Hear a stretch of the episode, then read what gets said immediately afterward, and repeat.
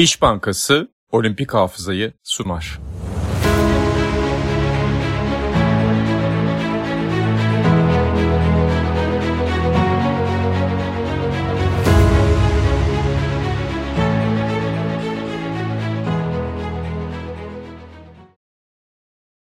Sokrates Podcast'a hoş geldiniz. Türkiye İş Bankası'nın katkılarıyla hazırladığımız Olimpik Hafıza programında yeni bir bölümle daha sizlerle beraberiz. Ve hem olimpiyatta güncel bu dönemde ne olduğunu eğildiğimiz hem de tabii ki asıl İş Bankası ile olimpiyatın unutulmaz anlarını listelediğimiz hikayelerini anlattığımız bu aylık özel programımızda bu bölümde ben Canerler çok özel bir konuğumuz var hem de uzaklardan bize bağlanıyor. Mert Aydın bizlerle beraber ta Londralardan bize eşlik edecek. Mert abi seni ağırlamak harika. Hem de olimpiyat üzerine konuşacağımız bir programda. Hoş geldin. Hoş bulduk. Ben de çok mutluyum böyle bir programda yer aldığım için. Mert abinin aynı zamanda bir olimpiyat tarihi uzmanı olduğunu ve benim için de bu yolda ilham kaynağı gazetecilerden biri olduğunu da eklemiş olayım. Teşekkür ediyorum o yüzden bu bölüme geldiğin için. Peki abi istersen ilham kaynağı demişken yani Türkiye'nin olimpiyat tarihinde önemli bir aslında ay geride kaldı. Zira Dünya Okçuluk Şampiyonası'nda hem Mete Gazoz olimpiyat şampiyonunun üzerine dünya şampiyonluğu kazandı. Hem de aslında ki Mete'nin de kendi altınının sonunda verdiği röportajda daha çok dikkat çekti ve bu madalyadan daha çok mutlu oldum dediği bir de takımda dünya ikinciliği aldık Güney Kore'nin ardından. Mete'nin yanında Berkim Tümer ve Abdullah Yıldırmış'la beraber. Gerçekten okçulukta tabii bütün aslında bu gelişime hakim bir insansın. Geldiğimiz noktada bu şampiyonadaki bu iki madalya için neler söylersin? Ya önemli tabii ki. Yani çünkü şöyle bir şey var. Okçuluk aslında Türklerin atasporlarından bir tanesi ama çok uzun yıllar boyunca ülkede çok iyi noktalara gelemedi. Bir dönem özellikle 90'lı yıllarda 2000'lerin başına kadar kadın okçularımızın çok büyük başarılarını takip ediyorduk. İki kere olimpiyatta madalyadan ucundan döndüler. Üstüne büyük şampiyonlarda Avrupa ve Dünya şampiyonlarında madalyalar aldılar ama sonra bir arada boşluk olmuştu. Ve şu anda yetişen bir nesil var, yeni nesil var. Bu, bu önemli. Geçmişteki iki, son iki olimpiyatta Mete ile Yasemin Ecem Anagöz birlikte ikili olarak karışık takımda iyi işler yapıyorlardı. Madalya alamadılar belki ama son olimpiyatta madalyaya çok yaklaştılar. Şimdi böyle erkek takımının bu başarısı şöyle önemli çünkü hani şimdi dünyanın her yerinde, her ülkede sporda gelişmiş gelişmemiş tüm ülkelerde hani zaman zaman bir sporcu çıkar bir dalda çok başarılı olabilir. O o ülkenin sporunun geliştiği anlamına gelmez. O o çocuğun, o gencin çok iyi bir antrenör olduğunu gösterebilir. O gencin acayip derecede inanılmaz bir yetenekli olduğunu gösterebilir. Ama o spor dalının geliştiğini görmemiz için mümkün olduğunca fazla sporcu yetişmesi gerekir. Bu önemli bir takım çıkarabilmiş olmamız ve bence çok değerli bir şey. Yani Mete'nin zaten başarıları ortada.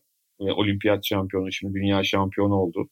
Umarım gelecek sene ya il, şöyle bir şey var. Biz her zaman herkesin hep şampiyon olmasını istiyoruz ama bu bir spor yani. Seneye de belki inşallah yine şampiyon olur ama ikinci olursa da üçüncü olursa da çok kahrolacağımız bir durum yok. Üst üste iki olimpiyatta madalya kazanmış olur. Ama yeni birilerinin geliyor olması, birlikte bir şeyler yapıyor olmaları bence önemli. Mesela hani atletizmde de çok iyi sprinterleriniz olabilir, bir sprinteriniz olabilir ama bayrak takımınız olduğunda o dalda bir şeyler yapıyor olduğunuzu daha çok kanıtlamış olursunuz. Bence okçulukça, okçulukta da o anlamda çok çok önemli gelişme olduğunu söyleyebiliriz. Evet hakikaten öyle. Yani bundan sonra da Paris 2024 yolunda ki diğer tabii ki okçulukla bağlantılı diğer şampiyonalarda iyi şanslar diliyoruz. Hem takımımıza hem de tabii ki Mete'ye hem kadınlar hem de erkeklerde yarışan sporcularımıza. Bir de biz tabii bu kaydı yaparken seninle Dünya Atletizm Şampiyonası devam ediyor. Hatta iki gün sonrasında, bu kayıttan iki gün sonrasında, tabii saatler karışık. Sen Londra'dasın, ben Türkiye'deyim ama saat farkından dolayı Ersu Şaşma finalde yarışacak yine bir dünya şampiyonasında. O da hakikaten gurur kaynağı son yıllarda. Ki bu dünya şampiyonasında, atletizm şampiyonasında bunları yapmak demek olimpiyat kotası içinde zaten başarılı olmak demek. O anlamda da kıymetli. Onu da söyleyelim Paris 2024'de. Doğru tabii ki. Evet yani artık bence Ersu konusunda kota alma e, meselesi evet. bir anlamı yok. Yani aslında Doğru.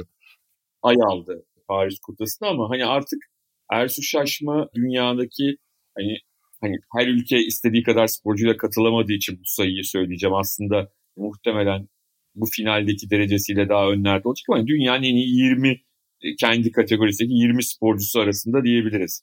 Şu anda çok daha önde ama hani Amerikalılar daha fazla sporcu getiremiyor falan hani gelişmiş ülkeler o anlamda söylüyorum yanlış anlaşılmasın ama 5.90 zaten başlı başına ne kadar önemli bir sporcu olduğunu bize gösteriyor. Ama ben Ersun'un en hoşlandığım yanı şu ki çok zor bir dalda yarışıyor. Yani istikrarlı olmanın çok kolay olmadığı bir dalda yarışıyor.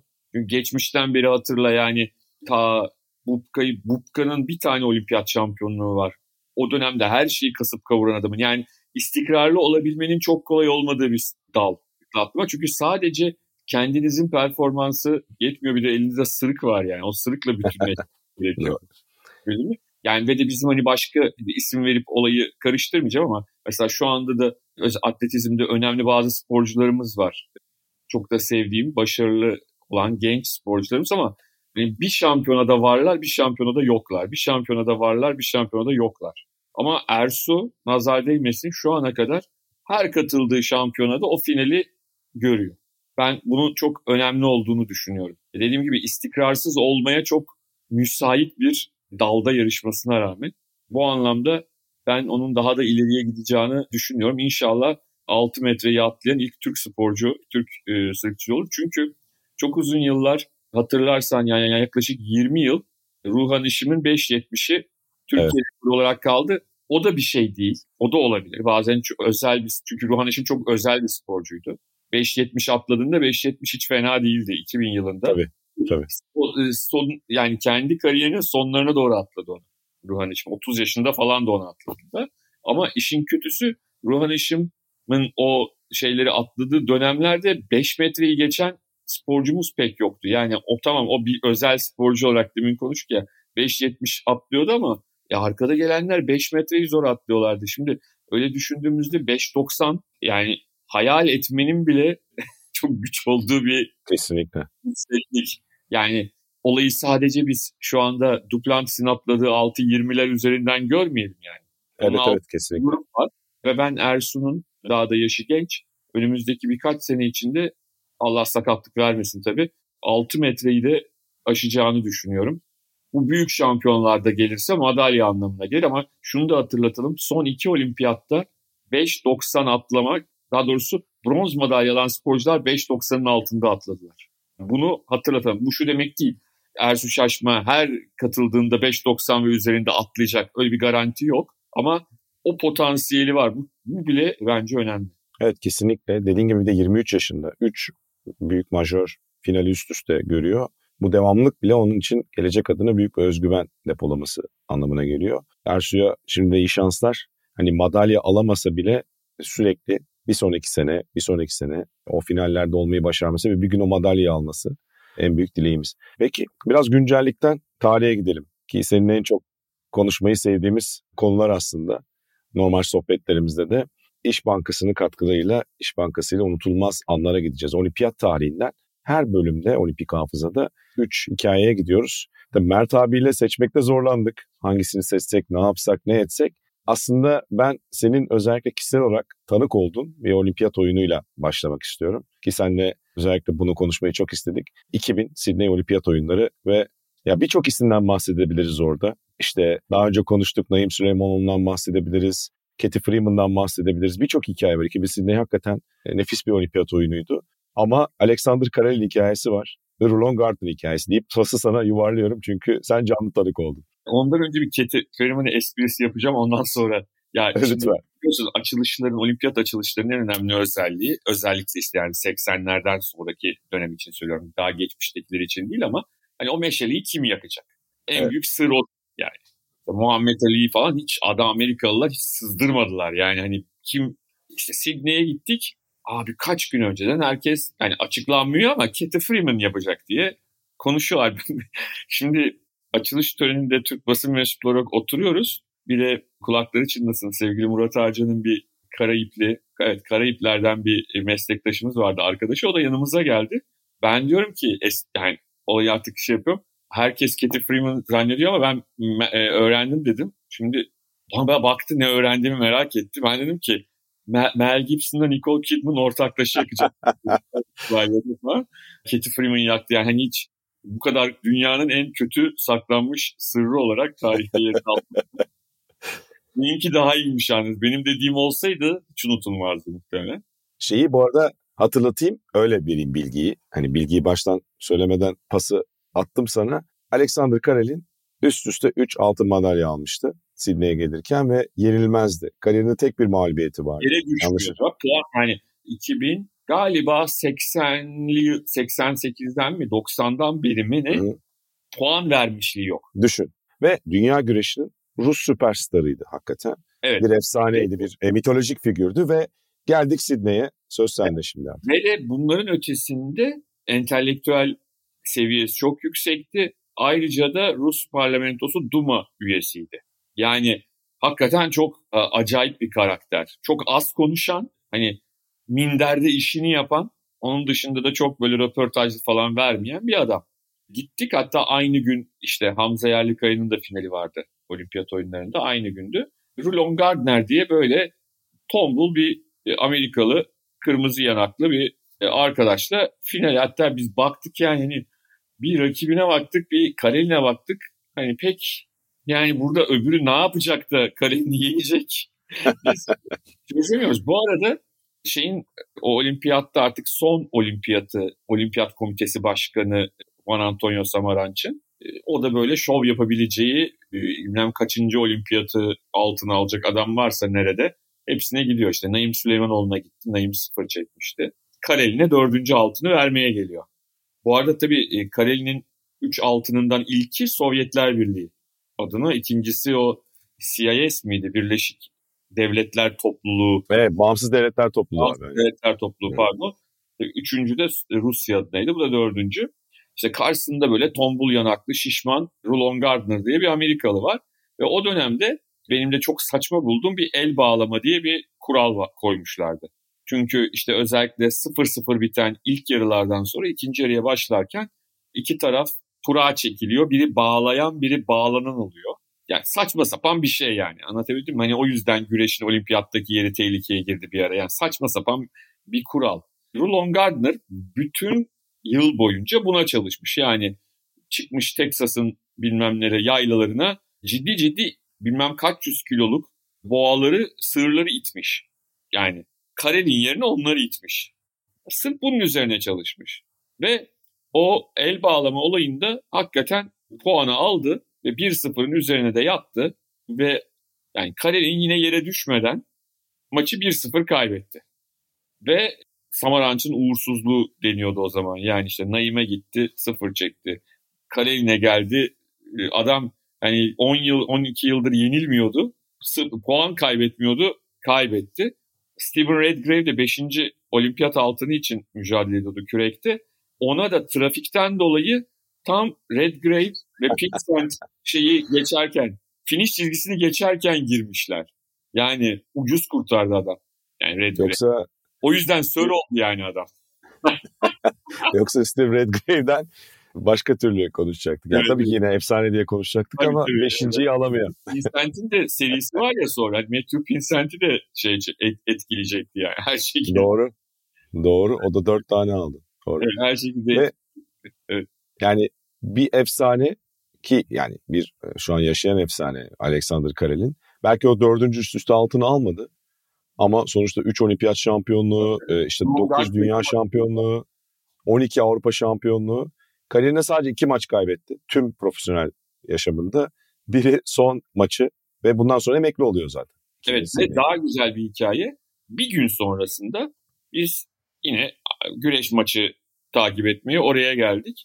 E, biliyorsun Deniz Hoca, Deniz Gökçe böyle hani hiçbir şeyden çekinmeyen böyle hani dalar girer yani bir durum varsa. Gözü pek. evet bir baktık şey geliyor kot falan giymiş normal sportif kıyafetleri içinde değil Karel'in normal kıyafetleri o da güreş müsabakalarını seyretmeye gelmiş. Biz de 4-5 kişiyiz ama hiçbirimiz adama gidip bir şey diyemedik cesaret edemedik yani şundan. Yani adam dev gibi bir adam da üstüne adam hani bir gün önce saçma sapan bir şekilde evet. kaybetmiş. Şimdi tanımıyoruz etmiyoruz. Deniz Hoca'yı öyle şeyler sökmez biliyorsun. Geldi tak diye şampiyon falan diye şey yaptı. Sonra hepimiz tek tek adamın elini sıktık. Ondan sonra Kareli'nin. Kareli'nin intikamını da ben 4 yıl sonra aldım. Atina'da güreş müsabakalarının olduğu yerde Rulon Gardner işte bu sefer favori olarak gelmiş. İlk maçını kazandı. Bir şekilde karşı karşıya geldik. Yani o giyinmiş şeydi. Ben de gittim içimden e, aklımdaki bütün kötü sözleri söyleyerek kendisinin elini sıktım. e, Gardner zannediyorum bronz madalyada kaldı o şeyde Atina olimpiyatlarında. Ki yakın zamanda birkaç sene önce hafızam yanıltmıyorsa e, belgeseli çıktı Rulon diye. Ve sonra bayağı hayatı aslında çok yolunda gitmiyor. İşte evet, evet, madalyalarını evet. satmak zorunda kalıyor. Büyük iflas ediyor, Adam depresyona giriyor. Öyle oldu işte ben böyle yani işte adamı öyle Yani olsun. evet. Herhalde tarih tarihin en büyük yani tüm spor tarihinin sadece olimpiyat değil en büyük sürprizlerinden biri diyebiliriz. İlk beşe girer herhalde. Yüzde yüz ve hani hakikaten şeyle tırnak içinde kurnazlıkla kuralları uygul yani adam kötü bir şey yapmadı yasa dışı Tabii. bir şey yok. Ama Tabii. yani hani sporun dışında saçma bir kuralı kullanarak yani o kural olmasa belki başka bir şey bulurdu yine bir şey diyemiyorum şimdi. Olabilir. E, hakkını yemeyelim. E, bunu da düşünmüş olması bile bir zeka şeyidir. Ama yani yani koskoca karelinde harbi düşüreceksin öyle yeneceksin ya. Yani başka türlü çok böyle bir şey yok. Ne derler tadı yok. Herkes de üzüldü yani salonda hakikaten herhalde Amerikalılar dışında sevinen kimse yoktu yani. Herkes üzüldü Karelin için. Ben de televizyon izlediğimi hatırlıyorum. Yani büyük şok yaşanmıştı gerçekten. Evet. Sizin orada yaşadığınızı tahmin edemiyorum, tahayyül edemiyorum. Evet, canlı evet, canlı. evet, evet. Yani. Peki Mert Aydın o zaman Türkiye İş Bankası ile olimpiyat tarihinin unutulmaz anlarında Alexander Karelin ve Roland Gardner hikayesinden bahsettik. Şimdi ikinci hikayede 80'lere uzanacağız. Yani benim herhalde çocukluğumda böyle en hayran olduğum atletlerden ya da sporculardan biriydi. Çok zarif, çok hani şey tarifi vardır ya flamboyant böyle akıcı, gösterişli, görkemli bir sporcu. E, Carl Lewis'e gideceğiz. Aslında hem 1984 olimpiyat oyunlarında bir hikayesi var tabii ki. Dört altın madalya almak. Jesse Owens'ın aslında başardığını başarmak ki idolü Jesse Owens, Carl Lewis'in. Ve 88'de yine olimpiyat şampiyonu oluyor ama tabii ki o 100 metre Ben Johnson'ın yaptığı dopingle hatırlanıyor ağırlıklı ve bütün o kadroyla hatırlanıyor. Ama Carl Lewis'in bıraktığı iz tabii ki sadece bu iki olimpiyat tarihiyle sınırlı değil. Hakikaten atletizm ve spor tarihinin olimpiyat tarihinin en unutulmaz figürlerinden biri. İstersen Carl Lewis'ten başlayalım. Daha doğrusu 84 olimpiyat oyunlarından başlayalım Los Angeles'tan. Aslında ben biraz Carl Lewis'in efsane başarısından. E, biraz daha geriden alacağım çünkü Lütfen. aslında belki de biz Sovyetler Birliği Afganistan'ı işgal etmeseydi 1980 olimpiyatlarındaki Carl Lewis'ten başlayabilirdik. E, o zaman daha 20 üniversite öğrencisi olacaktı ama ortalığı kasıp kavurmaya çalıştığı dönem ama Amerika'nın Sovyetler Birliği'ni Afganistan'ı işgalini boykot için Moskova olimpiyatlarına katılmaması nedeniyle belki de o yaş grubundaki birçok aslında o şansla daha devam ettiği için ama o olimpiyat Tabii. oyunlarına gidemeyip bir daha da olimpiyat şansı bulamayan birçok sporcu var dünya üzerinde. Tabii. 61 doğumlu bu arada. Yani 19 18-19 yaşındayken aslında ilk olimpiyat oyunlarına Moskova'da çıkacaktı. Evet. Onun yerine hani tüm dünyanın hani şimdi şöyle düşünelim.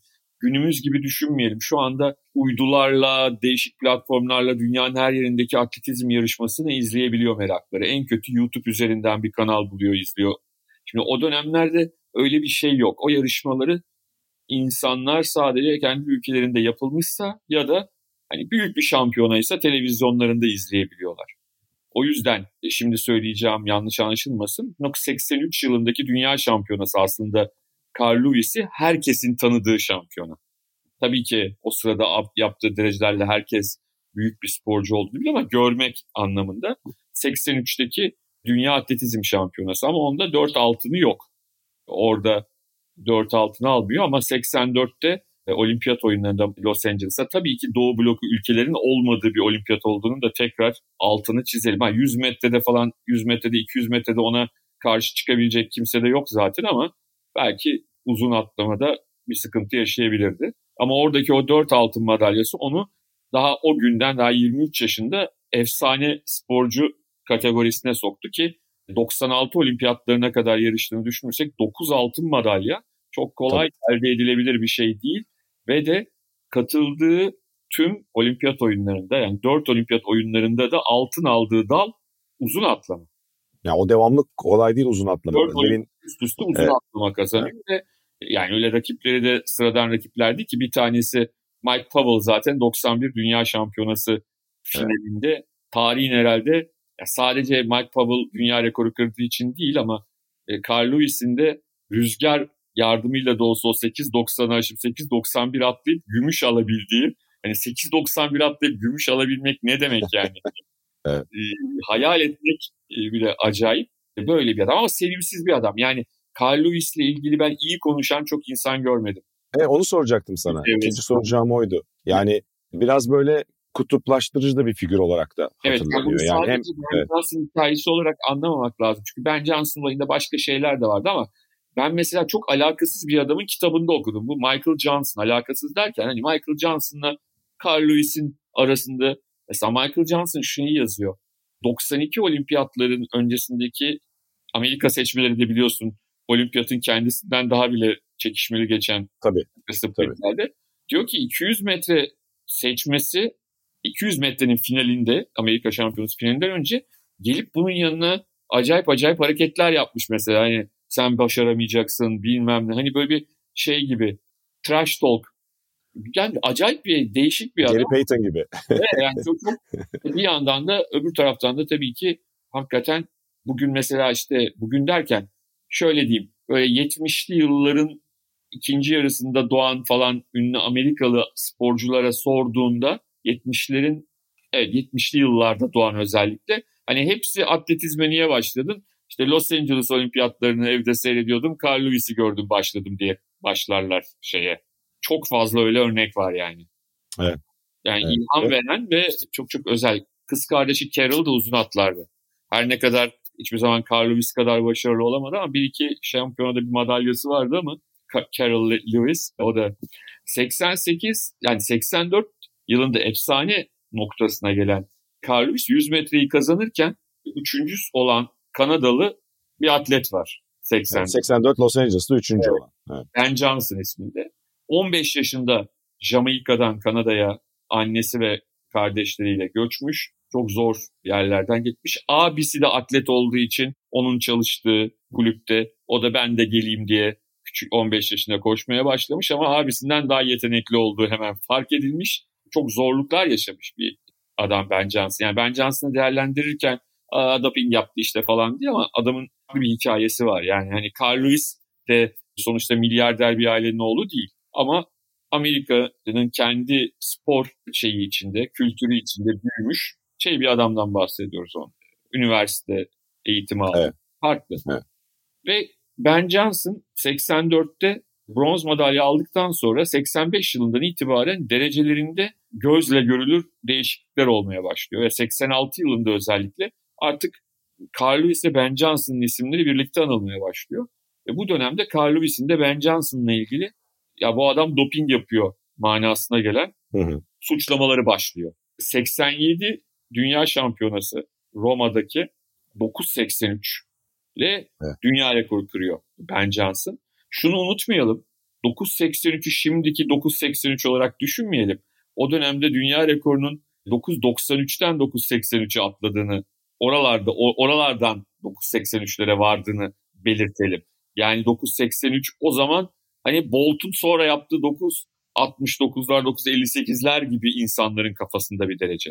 Ve de oradaki görüntü, unutulmaz görüntü ikinci bitiren yarışı ikinci bitiren Roma'da Carl Lewis'in sevinç içinde türbünleri selamlayan Ben Johnson'ın arkasından gelip yüzüne bile bakmadan sadece elini yalandan sıkıp hani tebrik edip oradan ayrılması.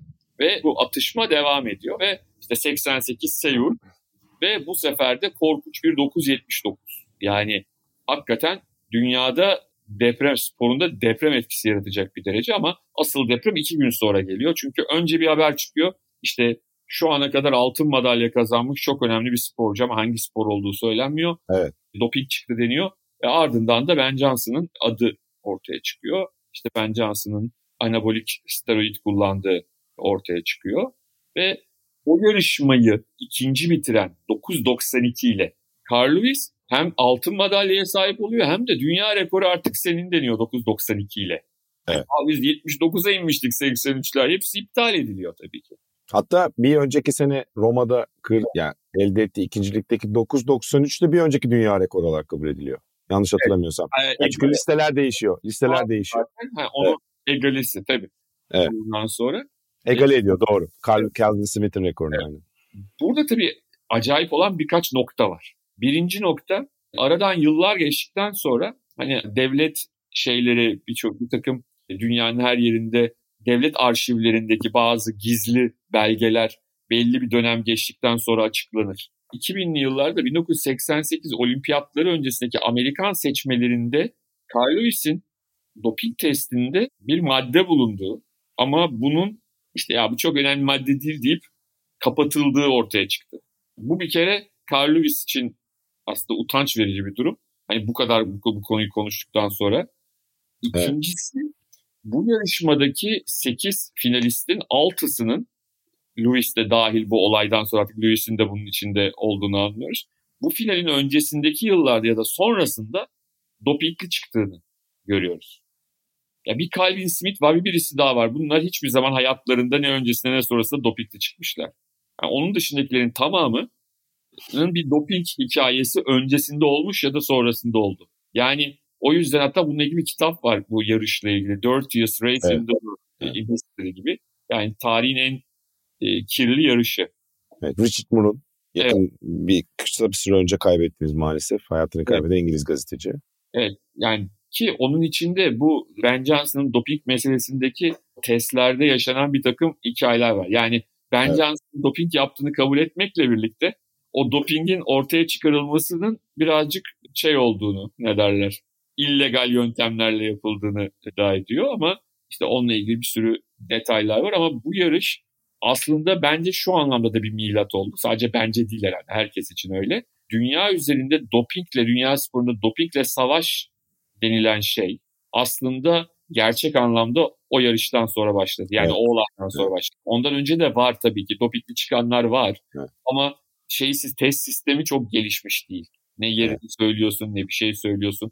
Ee, şey var işte 84 Los Angeles Olimpiyatlarının meşhur bir 10 bin metre finali vardır. Alberto Kova'nın kazandı.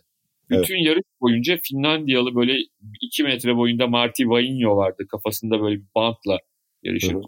Bütün yarış bununla beraber koştu. 10 bin metre bütün herkes geride kaldı. Bu ikisi koştu. En son Kova klasik deparını attı kazandı. Biz aylar sonra Marty Vainio'da doping çıktığını o işte gümüş madalyanın iptal edildiğini öğrendik. Yani öyle çıktı falan. Çok ender o doping olayları yakalanabilirdi. Ama Ben Johnson hikayesinden sonra o konuda çok daha sıkı ve çok daha şey o Dünya Spor Teşkilatı bu sistemi geliştirmek için, bu dopinge karşı bir mücadele etmek için daha fazla gayret sarf etmeye başladı diyebiliriz. Tabii yani WADA 1999'da işte kuruluyor.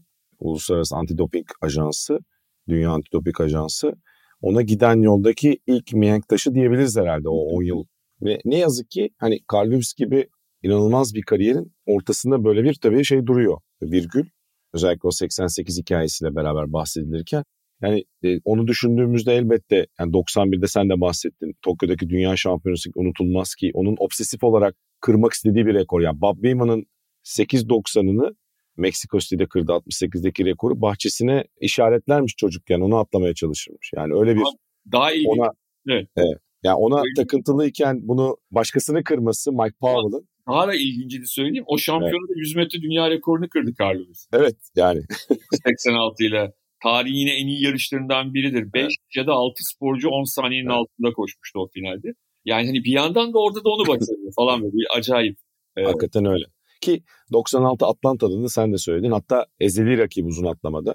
En son yarışta olimpiyat oyunu Atlanta'da. Aslında olimpiyat kariyeri Amerika'da başlayıp Amerika'da bitiyor. 84 Los Angeles, 96 Atlanta. Orada uzun atlamada Mike Powell'ı yenip hatta Mike Powell şey diyor ona ya bu adam iki senedir bir atlayış yapmamıştı geldi. Niye atlıyorsun burada Carl diyor. Onların arasında güzel de bir dostluk var bu arada. Evet, Muhabbet de var. İyi vardı onun çok ben, ben bir tane altın alacaktım bana bırakmadın bunu diyor. İlk atlarında bir 8-60 falan atlayıp sonra 4 tak falan hiç atlamazdı. Evet. Böyle biraz evet. da o bak bu mesela insanları sinirlendiren bir şey. Yani hafif kibirli gelirmiş. Evet. Tabii tabii yani ne derler ilk hakkında 8.50 atlamışsa yani hani öbürlerinin onu geçme ihtimali yok. Öbürlerinde rekor denerdi. Yani hep foul yapardı. Ama şey için yapar yani dünya rekoru denemeye çalışırken fantezi yapmaya çalışırdı. Ama en azından orada o atlayışı yapardı. Yani Carl Lewis'i biraz sevmelerinde bir o da bir şey var. Yani 4 3 ya da 4 hakkını kullanmazdı mesela. Çünkü adam tabii bir yandan da şöyle haklı. Hani diğerleri kızıyor ama adam birkaç dalda yarıştığı için tabii, enerjisini aklamak da istiyor. Yani sonuçta her gittiğinde 100, 200, 4 çarpı 100 üstü uzun atlama yani. Bunun mutlaka en kötü üçünü yarışıyor. Arada bir 200 yarışmada oluyor ama. Evet evet. Bu arada hala da şimdi öbür konumuza geçeceğiz unutulmaz anlardan. Carl Lewis hikayesi saatlerce gider. O kadar detay var ki. Son not verelim. E, olimpiyat tarihinde bireysel olarak ve yani bireysel derken kendi kariyerinde en fazla altın alan isim atletizmde. 9 altını var. E aslında Hüseyin Bolt ona ulaşmıştı. Hüseyin Bolt'un da bir e, altını 2008 evet. Beijing'den takım altını geri alındı. Oradaki sonradan çıkan e, dopingle beraber. Nesta Carter da hafızam beni yanıltmıyorsa. Evet. Ve, ve bir atlet daha. O yüzden eşitlemişti aslında ama hala Carl Lewis o kadar yıl geçti. Aradan Hüseyin Bolt geçti ve başka büyük atletler, sporcular geçti yani atletizmde. Hala onun o 9 altınına ulaşmış değil. Bu da not olarak dursun 62 yaşında. Hala o ünü, görkemi de devam ediyor diyelim. Bir başka önemli sprint efsanesine gidiyoruz şimdi. Mert Aydın'la son konumuz, üçüncü konumuz. Türkiye'de de bir ara forma giymiş Fenerbahçe'nin de sporcusu olmuş. 93-94 zamanı yanlış hatırlamıyorsam. Şimdi Mert abi o ikonik hafızasıyla hepsini söyleyecektir. Donovan Bailey ve 96 Atlanta'da hani Carl Lewis'le Atlanta'ya gittik. Dedik ki Atlanta'da kalıp son hikayemizi anlatalım. Çünkü o 100 metre finalinde unutulmaz anlardan ki Carl Lewis o yarışta yok çünkü Amerika seçmelerinde 100 metre kadrosuna giremiyor. Ama o dönemin başka büyük isimleri var ve Donovan Bailey son dünya şampiyonu gelip hem de dünya rekoru kırarak olimpiyat şampiyonu oluyor. Türkiye bağlantısı olması da o dönem çok konuşulmuştu. Evet. E, neler söylersin Donovan Bailey 96 Atlanta 100 metre hikayesiyle ilgili Mert abi? Evet e, hatırlarsan 95 Dünya Şampiyonası ile birlikte Kanadalıların sadece Bailey değil Burnice Soren vardı. Böyle iyi bir Kanada evet. bayrak mı vardı. Burnice Soren de sanırım 95'te o da ikinci olmuştu. Bailey dünya şampiyonu olurken Soren de ikinci olmuştu. E, gümüş madalya almıştı. E, o dünya şampiyonasında öyle Kanadalıların ciddi bir sprint e, atağı olmuştu diyelim. Ve evet. Atlanta'ya gelindiğinde de evet en büyük favori net bir şekilde Donovan Bailey'di 95'teki başarısından ötürü. O 96 finalinin tabii ki öncelikle bir e, başı var. Çünkü hani defending champion orada unvanını korumaya gelen Linford Christie o depardan dolayı finalde diskalifiye edildi finalin öncesinde. Yani müthiş bir dramaydı hakikaten. Tabii tabii yani adam... O zaman bu arada Fodepar kuralının farklı olduğunu hatırlattım. Şimdi mesela daha ilk hatanızda evet, diskalifiye evet. oluyorsunuz. Ama o zaman daha fazla hakkınız vardı. Her birinin ikişer hakkı vardı. evet, evet. Sonra şeye döndürdüler onu. Hani birinciyi kim yaparsa yapsın ikinciyi yapan atılıya dönüldü. Sonra en sonunda baktılar olmuyor. John Drummond'un da katkısı vardır herhalde. Doğru. Ayrı hikaye o. Ee, bu başka bir programın hikayesi. Evet o yani, hakikaten öyle. Ve bir anda hani Linford Christie tamam yaşlanmıştı ama sonuçta bir ağırlı olan atlet o çıktı. Bir anda 7 atlet kaldılar. Ve Donovan Bailey orada işte 9.84 ile müthiş bir dünya rekoru kırdı. Tabii burada bağlantıyı başka türlü yapacağım. Şimdi Donovan Bailey evet o rekoru kırdı. Donovan Bailey çok hakikaten e, önemli bir atletti ama ilerleyen yıllarda çok fazla devamını getiremedi. Yani hani 95-96'daki o üstünlüğünü daha sonra çok fazla sürdüremediğini söylememiz gerekiyor Donovan Bailey'nin. O yarışmada ardından Donovan Bailey'nin ardından Namibyalı Frankie Fredericks gümüş madalya kazandı. Ve Trinidad Tobago'lu Ato Boldon da bronz madalya kazandı. Bunda anormal bir durum yok. Çünkü Fredericks de Boldon o dönemin önemli sprinterleriydiler. Her büyük yarışmada, her büyük şampiyonada e, boy gösteren isimlerdi. Burada ilginç olan nokta 100 metre yarışından birkaç gün sonra 200 metre finali koşuldu. 200 metre finalinin en büyük favorisi Michael Johnson'dı. Şu anda da BBC'nin atletizm yorumcularından biri olarak yorum yapıyor. Ve Michael Johnson en büyük favoriydi ve Michael Johnson işte Mennea'nın uzun yıllar kırılamayan Meksika'da işte yüksek rakım, rakımda kırdığı dünya rekorunu olimpiyattan hemen önce kırmıştı. 19.65'e sanırım indirmişti. O civarda bir şey indirmişti. Ve daha da kıracak mı acaba diye herkes merak ediyordu. Ve 200 metre yarışında Michael Johnson 19.32 ile Bolt kırana kadar kırılamayan müthiş bir dünya rekoru kırdı. Evet, inanılmaz da aklımız uçmuştu hakikaten. Yani ben izler, yani izlerken. Müthiş bir dünya rekoruydu. Evet. Burada diyeceksiniz ki buraya kadar ilginç olan ne? Buraya kadar bundan sonra ilginç olan noktası şu. Şimdi dedim ya aralarında işte 3 gün falan var herhalde tam tarihlerini hatırlamıyorum. 100 metre ile 200 arasında hani 3 olsa da 4 gün vardır yani. E 100 metrede ikinci kim olmuştu? Frankie Fredericks. Evet. 200'de ikinci kim oldu? Frankie Fredericks. Evet. 100 metrede üçüncü kim olmuştu? Ato Boldon. 200 Evet. metrede üçüncü kim oldu? Ato Boldon. Ya e, ve Frankie Fredericks Mennea'nın daha iyi derece yaptı. 200'de ikinci olurken. Yani on, Evet. müthiş bir e, o da koşu yaptı. Yani aslında gizli kahramanı diyebiliriz bu ikili için. 96 Atlanta Olimpiyatlarının. Rekoru kıranlar Donovan Bailey ve Michael Johnson ama rekoru kırdıranlar Frankie Fredericks ve Ato Boldon. Yani Çok kaliteli bir kadro ve onların force edişi kesinlikle o rekorların gelmesini sağlayan unsurların başına geliyor. Kesinlikle. Evet, yani gerçekten de hani o ikisi özel performans göstermiş oldular. Belki Frankie Fredericks hep arka planda kaldı ikisi de. Yani Ato Boldon biraz şeyle ne derler hafif şaklabanlığıyla her zaman bir şekilde kendini önde tuttu. Yani madalya alamadığında da her zaman Ato Boldon'u gördük. Bir de onlar işte Maurice Green'ler falan aynı hocalar hocalar falan böyle bir Evet. grup vardı. Evet. Ama Frankie Fredericks her zaman arka planda kaldı. Onun dünya şampiyonluğu falan var 200 metrede ama hiçbir zaman hani o büyükler arasında çok fazla dikkat çekmedi. Şeyde 2013'te bizim olimpiyat adaylığımız sırasında İstanbul'a gelen şeydeydi. Değerlendirme komitesindeydi. Şimdi Evet. şeye geldiler Atatürk Olimpiyat Stadında. Orada çocuklar var pistte. Hemen baktım Frankie Fredericks onlarla e, sprint depar atıyorlar. Birlikte onlara gösteriyor nasıl depar atılır, nasıl şey yapılır. Çok farklı karakterlerdi ve dediğin gibi hakikaten çok özel bir sprint ekibi vardı diyelim. Grubu vardı. Evet. O 3-4 sene, 4-5 sene hakikaten sonra Morris Green de geliyor senin dediğin gibi o dönem. Ama özellikle Frankie Fredericks ve Boldon hep böyle e, daimi ikinci, üçüncü, daimi üçüncü, ikinci gibi anılan figürlerdi. Donovan Bailey de e, Michael Johnson'la arka arkaya rekor kırarak 96 Atlanta'yı unutulmaz hale getirmişti hakikaten. Evet burada bir de Donovan- evet. Lütfen abi. Şimdi önemli birini de anmak için şimdi e, bu bir anı araya sıkıştıracağım. 2005 Helsinki'de Dünya Dünya.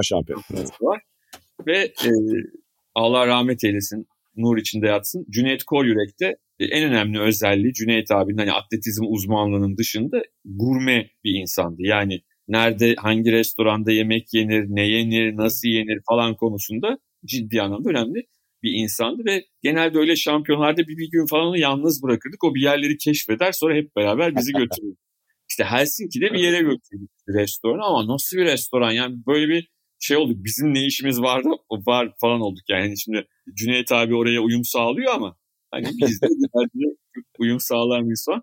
Biraz sonra bir baktık Donovan Bailey o sırada artık yorumcu olmuş. Televizyon yorumcusu E, Eurosport'taydı. tabii. Evet Ondan- evet e, o dönem yapıyordu aynen.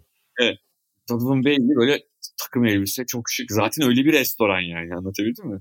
Artık hanımefendi kız arkadaşı mıydı eşi miydi bilmiyorum. Geldi böyle. Biz de böyle kaldık biraz ilerideki masada yere yırtmış geldiler oturdular böyle şarap eşliğinde falan böyle orada güzel bir ortam var. Biz de böyle Donovan Bailey'e bakmıştık. Cüneyt abi sayesinde öyle bir restorana gitmiş olduk ve öyle birini de şeyleri de görmüş olduk yani kraliyet ailesinden atletizmin. Cüneyt Koryülek şeyi de çok severdi diye hatırlıyorum. Yayınlarını dinlerken dikkatimi çekerdi. Frankie Fredericks onu böyle bir centilmen olarak tanımlardı böyle. O Evet, centilmenliği çok hoşuna giderdi diye hatırlıyorum. Yanlış hafızam yanıltmıyorsa. Evet evet evet evet. Yani zaten o ekibin güzelliği hani şimdi şeyle Carl Lewis ile Ben Johnson'ın o toksik ilişkisinin ardından bu gelen daha genç grup Evet. daha şey olmuştu ne derler. Hani insanlara sprinte daha böyle bir farklı eğilim sağlamışlar. Tekrar yeniden o güç bulmasını sağlayan aslında e, grup. Evet evet yani E, o olaydan sonra. antrenörle çalışıyorlar ya ama zaten yani şunu, şunu görüyorum ben hani bireysel sporlar ve takım sporlarından biraz daha farklı tabii ki. Ve özellikle şunu görüyorum atletizmde de çok sık görüyorum bunu. Şimdi çok fazla ülkede şeyde birlikte dolaşıyor aynı insanlar. Birlikte gidiyorlar, birlikte yarışıyorlar Tabii. ve bir yerden sonra hani aralarındaki rekabet önemli ama dostluk da çok pekişiyor. Yani bir atletizm müsabakasının ardından hangi dalda olursa olsun bir sonra bakıyorsun herkes birbirine sarılmış. Hani hayal kırıklığına uğrayanı herkes gidiyor birlikte teselli ediyor. Evet. Çok şey bir güzel bir görüntü oluyor. Ender birkaç şey hadise, çirkin hadise yaşanabiliyor az da olsa ama hani genel anlamda şey güzel bir görüntü var ve o 90'ların ikinci yarısındaki o sprint kardeşliği diyeyim biraz bunu ateşledi. E, ben de geç 2-3 sene önce Ato Boldon'la bir röportaj yapmıştım bizim Sokrat için hatta olimpiyat sayısı için. E, orada o günlerde aslında birbirlerini nasıl yukarı çektiklerinden bahsediyordu. Hem Morris Green'in antrenman arkadaşlarına hem de genel olarak işte Frankie Fredericks'e çok övgüler sarf etmişti. Adamın Bailey'e de yine. Yani o dönemdeki rekabetin birbirini yukarı çekmesinin ne kadar onu da çıtasını yukarı çektiğinden bahsetmişti. Senin bahsettiğin aslında çok denk düşen de bir hikaye. Yani işte evet. Onların zorlaması. Evet. Yani Dunham ve Bailey'nin şampiyonluğu, dünya rekoru o dönem 96 atlattı. Hani sembolik de bir yarış bir yandan. Evet. jenerasyonun devralışı gibi aslında bir Evet. yandan. da. Tabii bir de şu var. Bu dediğimiz adamların hepsi Amerikan üniversitelerinde okuyan adamlar. Amerikan kolejlerinde. Yani bunlar zaten hani Tabii. e, 17-18 yaşından sonra birbirleriyle yarışmaya başlamış adamlar. Hani aynı üniversitede olmalarına gerek yok ama karşılıklı Evet. üniversitelerde hepsi birbiriyle yarışıyorlar NCAA yarışlarında. O dönemin modası zaten hani Amerikan kolejlerinden gelen atletlerin, Karayipli atletler, işte Tabii. Kanadalı, Trinidad, Tobago, Namibya evet, Tabii. ülkeler öyle ama hepsi Amerikan aslında kolejlerinin ürünleri. O daha sonra işte Jamaikalıların kendi üniversitelerinden çıkarmaya başlamaları o da daha sonrasının hikayesi, 2000'li yılların hikayesi. e, Mert abi ağzına sağlık. E, seninle sohbet bitmez. Ama bir yerde programı bitirmemiz lazım. Ağzına sağlık. Olimpik hafıza düşündüğümde zaten ilk aklıma gelen figürlerden biri yani. Senin hafızan özellikle. Olimpiyat tarihinin hafızası. O yüzden seninle bu programda sohbet edilmek bizim için büyük keyif, şans. Teşekkürler. Tekrar teşekkür ediyorum. Türkiye İş Bankası ile ortak hazırladığımız olimpiyat tarihinden unutulmaz anları da konuştuğumuz güncel olimpiyat haberlerine de değindiğimiz Olimpik Hafıza programımızda bu bölümün sonuna geliyoruz. Tekrar görüşebilmek dileğiyle. Hoşçakalın.